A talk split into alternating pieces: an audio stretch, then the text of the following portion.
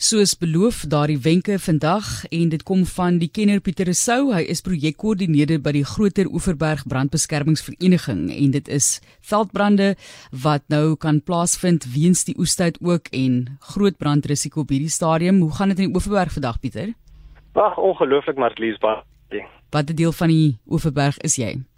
Ek is sit eintlik tans in Hemel en Aarde. Ons het sopas 'n uh, beheerde brandjie klaar gemaak. Baie goed gegaan. So ek is hier in die Hemel en Aarde vallei. So ek kyk nou hier uit na een van die mooiste dele van die land. So met my gaan dit baie goed. Ek wou nou net sê arme jy, dit is waaragtig. Daar's 'n rede hoekom dit Hemel en Aarde vallei is. Uh, so kom ons gesels Pieter net gevinnig oor hierdie tyd van die jaar ook. Kyk ons kom ons nou uit die reentydperk uit. Dis hom nog nie so droog nie. So hoekom praat ons tans van brandgevaar?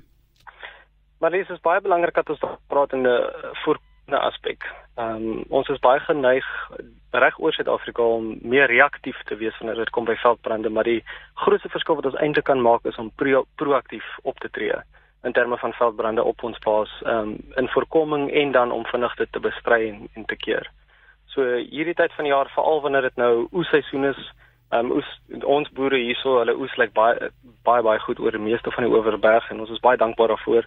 En oesseisoen byvoorbeeld is ook 'n uh, groot brandrisiko tyd want die masjinerie en so aan wat maar wrywing veroorsaak soos hulle die graan afsny of 'n klippietjie slaan of so, um, is redelik geneig om veldbrande te veroorsaak in die graan en dan kan dit finansiële skade ook wees.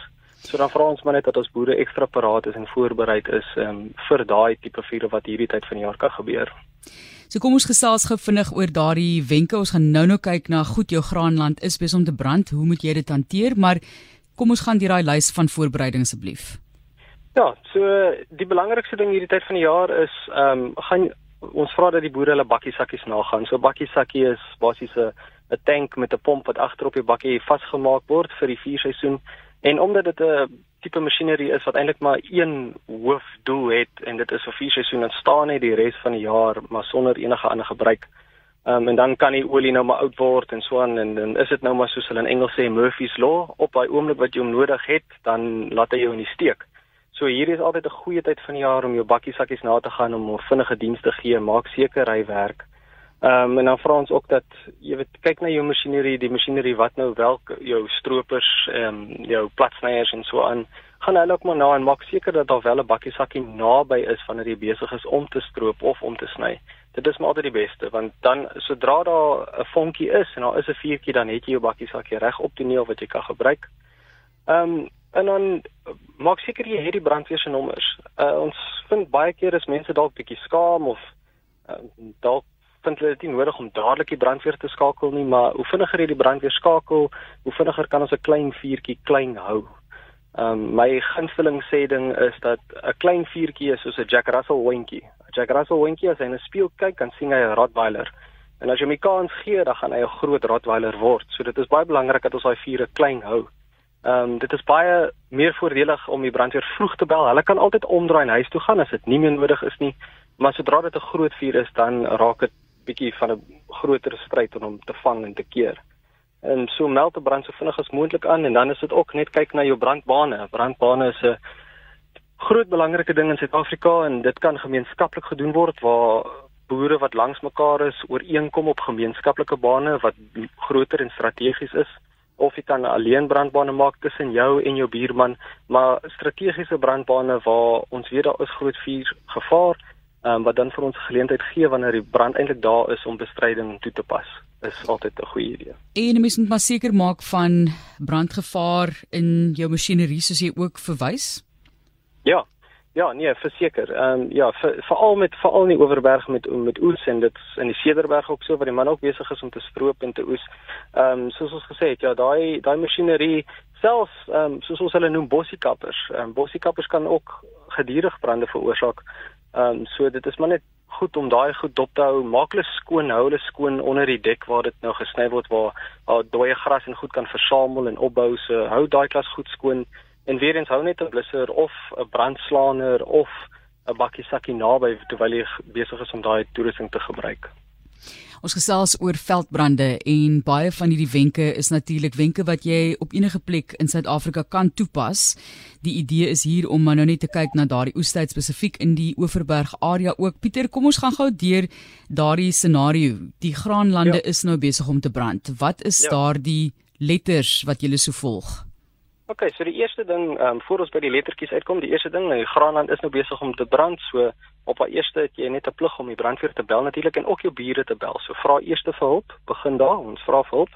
En dan gaan ons nou die brand moet bestry. Um, ons ons het almal as grondeienaars 'n plig om die brand te probeer uitsit tot die beste van ons vermoë, maar die belangrikste ding altyd is om veilig te wees. Veiligheid, veiligheid, jou veiligheid is die belangrikste ding. En dan in Engels het ons uh, so 'n rympie of 'n woordjie wat ons sê en daai woordjie is laces, so skoenveters. Ehm um, so laces in Engels. En dan waar die L staan vir lookouts. En 'n lookout in hierdie konteks is iemand wat die hele vuur dophou, die gedrag van die vuur, want as ons besig is met brandbestryding, dan kan ons nogal ons kop in die rook wees soos ons sê en ons fokus op wat ons nou doen en ons raak baie vasgevang in die klein goedjies en dan vergeet ons om na die groter vuur te kyk. En as die vuur verander of as 'n windverandering en hy brand uh, ja die vuur verander sy rigting so bietjie dan kan dit 'n groot gevaar wees vir die mense wat besig is om die vuur te bestry. So om 'n lookout te hê om sulke gevare te sien voordat dit gebeur is natuurlik baie belangrik. So dit is die L van laces. Dan die C is communications. Um, om jou idee te gee van hoe belangrik kommunikasie is in as die brandweere besig is om 'n vuur te bestry en ons kan nie 'n een eenheid in, met die oor die radio um, in die hande kry nie of op selfoon dan gaan soek ons hom en hy onttrek totdat ons weer kommunikasie met hom kan vestig. So kommunikasie is verskriklik belangrik want as daar gevaar is, maar jy kan nie kommunikeer oor die gevaar nie, dan help dit nie veel nie. En dit baat ook vir mense wat dalk buitelanders aanstel, maak seker dat hulle verstaan Afrikaans of Engels of wat ook al julle op julle plaas praat, ehm um, dat hulle verstaan wat gesê word veral in so 'n noodgeval van 'n vuur. Dan die E van lyses is um, escape routes. So dit is 'n pad wat jy in jou kop altyd moet weet of vasmaak waar sou die pop of die fan staan soos ons sê dat jy kan vlug, dat jy jou jy en jou mense veilig kan uitkry na 'n veilige plek toe. En ons sê altyd moenie net een escape route hê nie, want 'n vuur is nie 'n ding wat stil staan nie, hy verander. En dit kan baie vinnig gebeur dat die vuur bo oor jou enigste escape route verander. En dan is jy bietjie 'n pinari. So ons vra altyd het twee roetes, twee roetes waar jy uit kan vlug. En dan die S vir laces is natuurlik safety zones. Dit is die plek waarna toe jy vlug.